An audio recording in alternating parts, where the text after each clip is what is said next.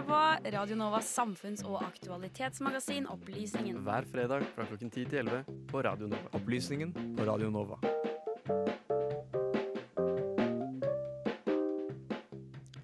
I 2019 byttet eh, Norges Bank design på de norske kronesedlene, med både torsker, strandlandskap og andre maritime elementer inkorporert.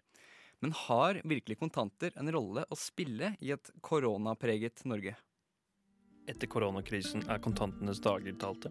Lenge før koronaen gjorde sitt inntog i vårt langstrakte land, har kontantbruken vært på vikende grunn. Norge har i flere år allerede blitt fremhevet som et land i god fart mot å bli et kontantløst samfunn, kun slått av Sør-Koreas kortbruk og med våre nordiske naboer like bak. Tall fra mai 2020 viser at andelen som velger å betale med den kjente og kjære kombinasjonen sedler og mynter, har falt til kun 3% av alle transaksjoner. Vil si at de resterende 97% av Norges samlede transaksjoner foretas med kort, Apple Pay eller Vips, for å nevne noe. Dette er de laveste tallene som er registrert her på berget siden SSB startet å måle nordmenns kortbruk tilbake i 2007. Det er for tidlig å si i hvilken grad den pågående koronakrisen har vært med på å akselerere dette skiftet, eller ei. Selv om en kan godt forestille seg hvordan å fysisk berøre sedler og mynter i en tid preget av fokus på smitteoverføring, ikke virker så lurt. Mønsteret er i hvert fall helt tydelig. Bruken av kontanter i det daglige har falt dramatisk, og den store majoriteten av folk i aldersgruppen 18 35 oppgir å aldri benytte kontanter i det hele tatt. Hva så, tenker sikkert mange lyttere som sitter hjemme og hører på akkurat nå. Hvorfor kan man ikke bli av med hele greia?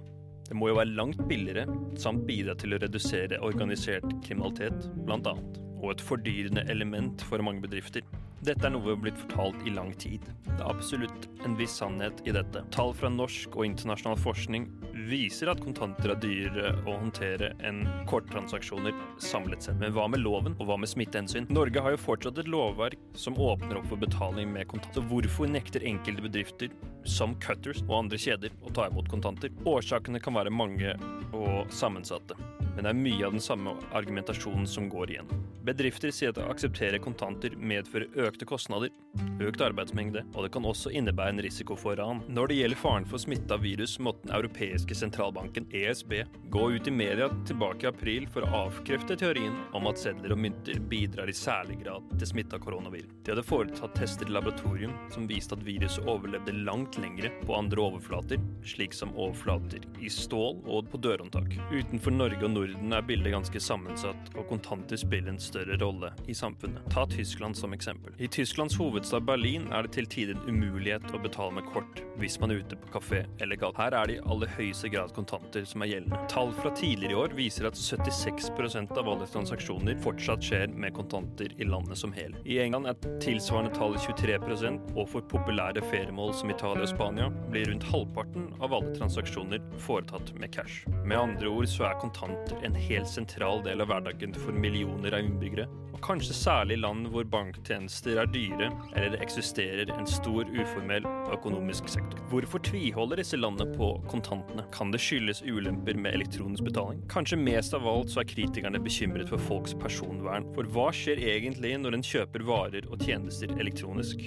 Alle digitale transaksjoner, enten du drar kortet på Rema eller handler på nett, blir omsider lagret som data. Skulle disse dataene komme på avveie, kan hackere plutselig få tilgang til ganske mye informasjon om deg og ditt daglige. Nå er også redde for at selskaper som Visa og Vips kan ende opp med for mye makt. I 2010 inngikk Visa et forlik med EU etter at den europeiske sentralbanken stadig ble mer kritiske mot det de kalte Visa Mastercard-duopolet. I det daglige bruker vi våre bankkort og vipser i bilden skis. Men kanskje vi også burde tenke på at dette er selskaper som har en sterk kommersiell interesse av at vi drar kort. For øyeblikket, i det minste, har vi jo et godt gammeldags alternativ til de digitale røst. Så lenge det du skal kjøpe koster mindre enn 40 000 kroner, så er du helt fri innenfor lovens grenser til å handle med kontanter. Og bare det faktum at det har blitt nedfelt i hvitvaskingsloven paragraf 5, vitner jo nok en gang om at kontantbetalinger bringer med seg problemer.